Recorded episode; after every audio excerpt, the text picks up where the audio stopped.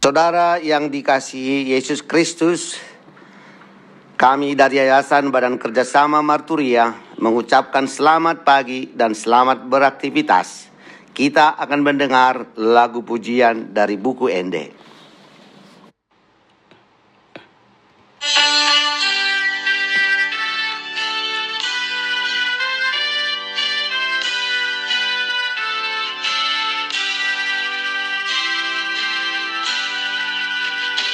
Solukon hati gorani bain pertahanani. Nang teha porseaoni bain lombu lobuni Nang patasai ringgas te giras Mamarita honda me bain halolo moi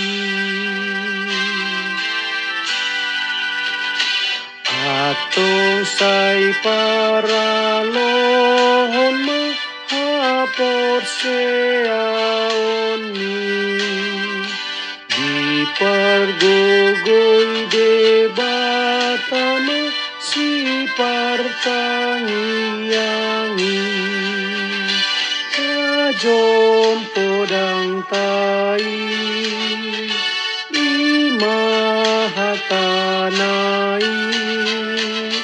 Maruli tupaldo sure naso sumurut be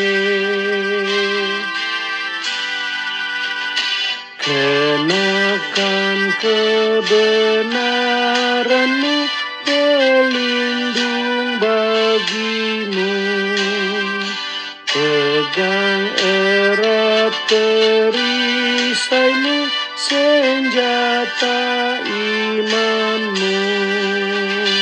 Langkahmu pun tegap Hatimu bergemar. Ditakan damai sejahtera Bersuka citalah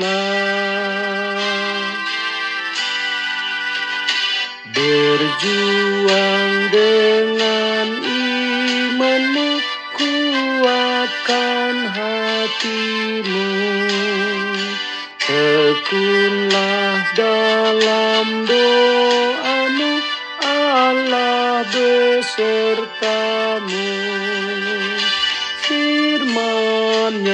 pedangmu Senjata imanmu.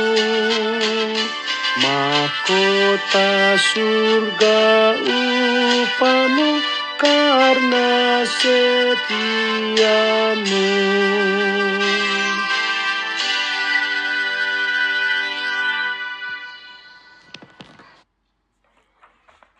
Selamat pagi saudaraku, selamat beraktivitas. Saudaraku yang dikasihi Tuhan Yesus Kristus, sebelum kita mendengar firman Tuhan, kita berdoa terlebih dahulu. Allah Bapa di sorga yang kami sembah, yang kami puja, yang kami muliakan, kami bersyukur karena kasih setiamu yang menyertai memelihara kami.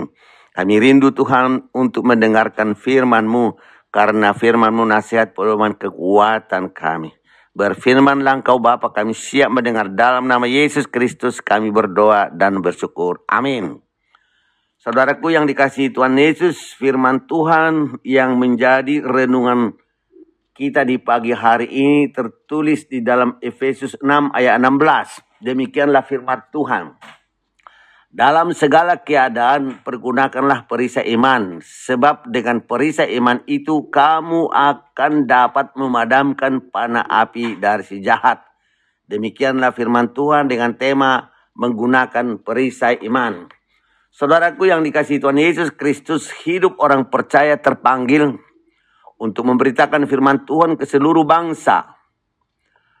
Mengajar dan mendidik mereka serta membaptis mereka ke dalam nama Allah Bapa dan Anak dan Rohul Kudus. Matius 28 ayat 18 sampai 20. Untuk itu kita perlu diperlengkapi dengan kuasa dari Tuhan Yesus. Dari pengalaman Rasul Paulus melayani jemaat di berbagai tempat, ia berkesimpulan bahwa iblis tidak senang kita memberitakan firman Tuhan itu. Dengan segala akal iblis akan melakukan segala upaya supaya kita gagal melakukan misi pemberitaan Tuhan itu ke segala bangsa. Saudaraku, oleh sebab itu Rasul Paulus menasihatkan setiap pemberita Injil harus kuat di dalam Tuhan dengan memperlengkapi diri dengan perlengkapan senjata Allah supaya dapat melawan tipu muslihat iblis itu. Untuk itu ada berbagai senjata perlengkapan kita yaitu berikat pinggang kebenaran, berbaju zirah, keadilan, memakai kasut kerelaan, perisai iman, ketopong keselamatan, pedang roh dan berdoa dalam roh.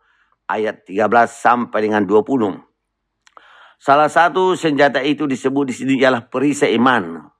Fungsinya menangkis atau menahan semua cobaan maupun berbagai serangan yang akan melumpuhkan iman kita agar takluk menjadi budak-budak dosa.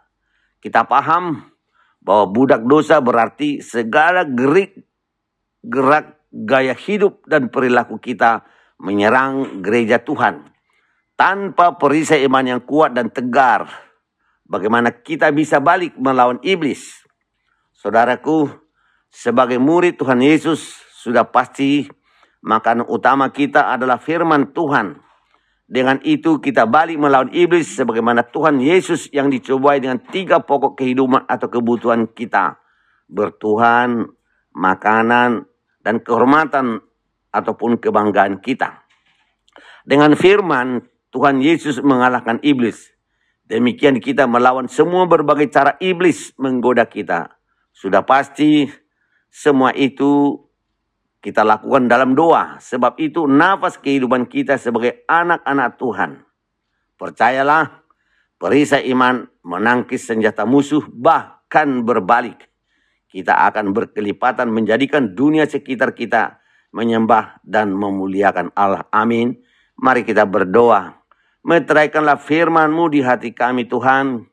Sebab itulah kekuatan perisai iman kami melawan tipu muslihat iblis dalam memberitakan firman-Mu ke seluruh bangsa. Amin.